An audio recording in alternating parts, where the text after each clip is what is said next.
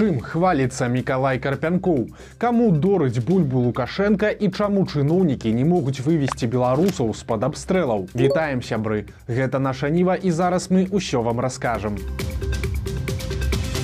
Партал зеркала атрымаў запіс выступу карпянкова ў вайсковай частцы 3214 і там шмат цікавага. Генерал-майор міліцыі Мікалай Карпянкоў, які раней узначальваў губазік, цяпер намеснік міністра ўнутраных спраў і адказвае за ўнутраныя войскі. На ўсякі выпадак патлумачым, што ўнутраныя войскі гэта не салдаты, а службоўцы сістэмы мус, то бок байцы амапу спецназа і іншых падобных падраздзяленняў. На зборах гэтых войскаў карпянкоў і выступаў з прамовай. Ён расказаў, сказаў, што такія падраздзяленні рэзерв асабіста лукашэнкі і непасрэдна лукашенко будзе ставіць ім задачы. Таксама карпянкоў пахваліўся, што дзяржава выдзяляе для іх самую сучасную тэхніку і ўзбраенне, а на 24 год падраздзяленні дык і ўвогуле атрымаюць дадатковае фінансаванне.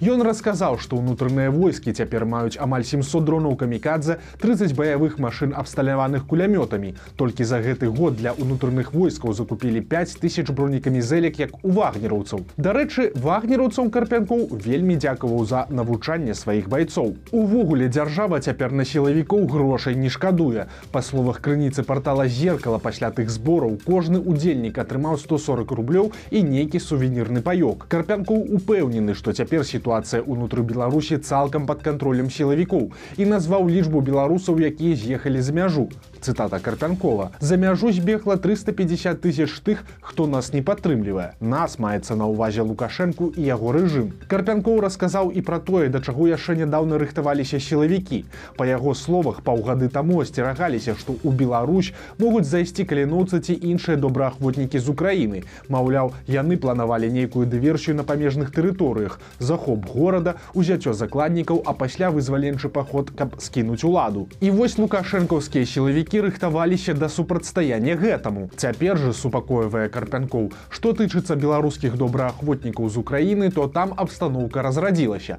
але ж з'явілася іншая кропка напружання на межах заходнімі суседзямі. Карпянкоў скардзіцца на вучэнні войскаў НАТО ў літве непадалёк ад беларускай мяжы. Цытата: Вось тут вось напружанне ёсць і што можа адбыцца мы да канца не ведаем. Канец цытаты. Якія высновы тут можна зрабіць? Простыя і сумныя. Пасля два -го года лукашенко зразумеў што яго ўлада трымаецца выключна на сілавіках таму ім цяпер будзе прадастаўленая любая падтрымка як грашовая так і тэхнічная а таксама ім сёння дазволена ўсё і гэта выдатна разумеюць і самі сілавікі задача іх таксама зразумелая у першую чаргу гэта любой цаной не дапусціць пратэстаў на парламенцкіх выбарах 24 -го года і прэзідэнцкіх выбарах 25 а калі пратэсты ўсё ж пачнуцца максімальна эфектыўна іх задавіць. Забойствы гвалт перавышэння паўнамоцтваў расследаваць ніхто не будзе. Спыняць рэпрэсіі таксама ніхто не збіраецца а наадварот.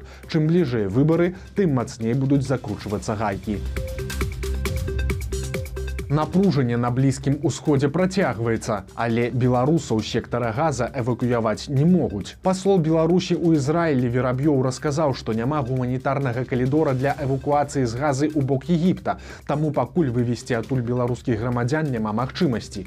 Акрамя таго, застаюцца праблемы і з эвакуацыяй беларусаў з Ізраіля, які працягваюць абстрэльваць. Раней беларусы скардзіліся, што пасольства збірае іх даныя і ўсё. Практычнай дапамогі ад яго ніякай няма. Цяпер беларускі пасол патлумачыў, што праблема аказваецца ў заходніх санкцыях. Праз санкцыі ЗША Белавія не можа здзейсніць прамы рэйс у Ізраіль. Таму цяпер, як кажуць чыноўнікі пытання прапрацоўваецца. Што гэта значыць і як будуць вырашаць праблему, пакуль што інфармацыі няма.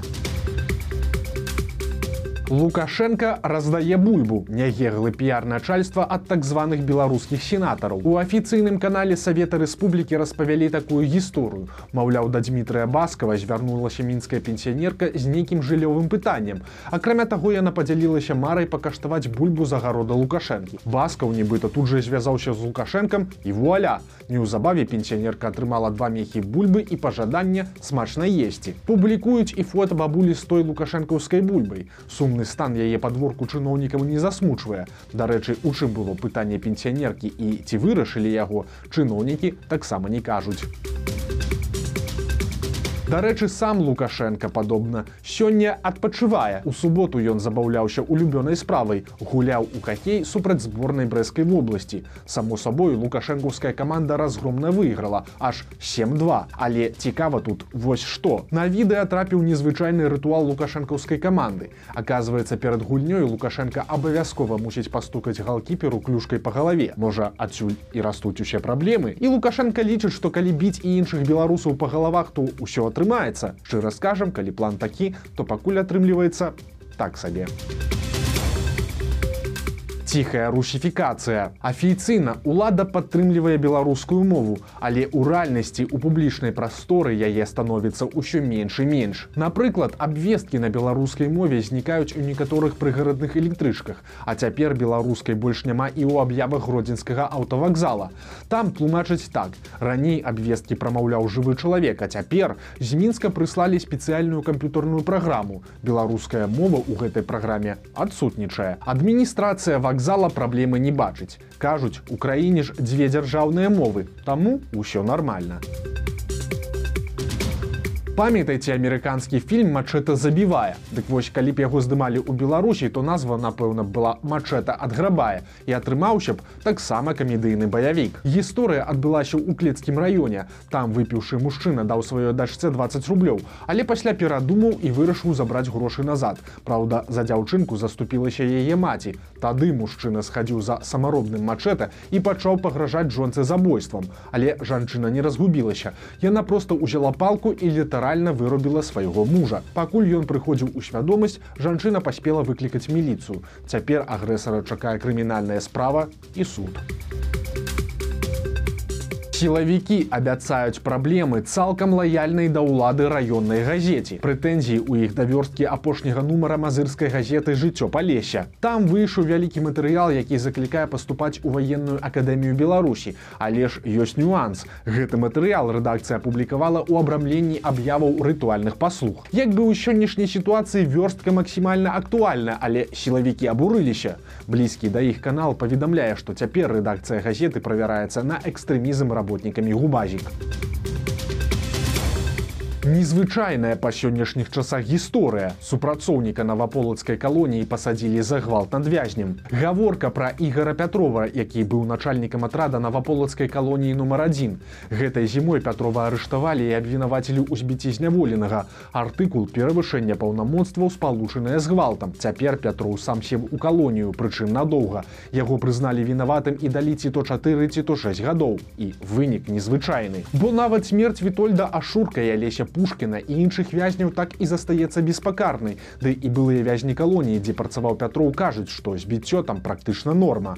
Прычым Пятрова згадваюць як нармальнага адносна іншых работнікаў. Маўляў, да палітычных не чапляўся, подласцяў не рабіў. Таму магчыма, правініўся Пятроў у нечым іншым, а збіццё вязня стала фармальнай прычынай яго пакараць. Тым больш былыя асуджаныя кажуць, што іншых работнікаў, якія білі вязняў, ніхто не караў, ніякіх справаў на іх не заводзілі. А тут не толькі справа, але і суд, ды і рэальнае пакаранне. Мякка кажучы, вельмі незвычайна. Так што мы працягнем разбірацца ў сітуацыі з іграм Пятровым. І як толькі даведаемся нейкія падрабязнасці, то адразу вам усё раскажам.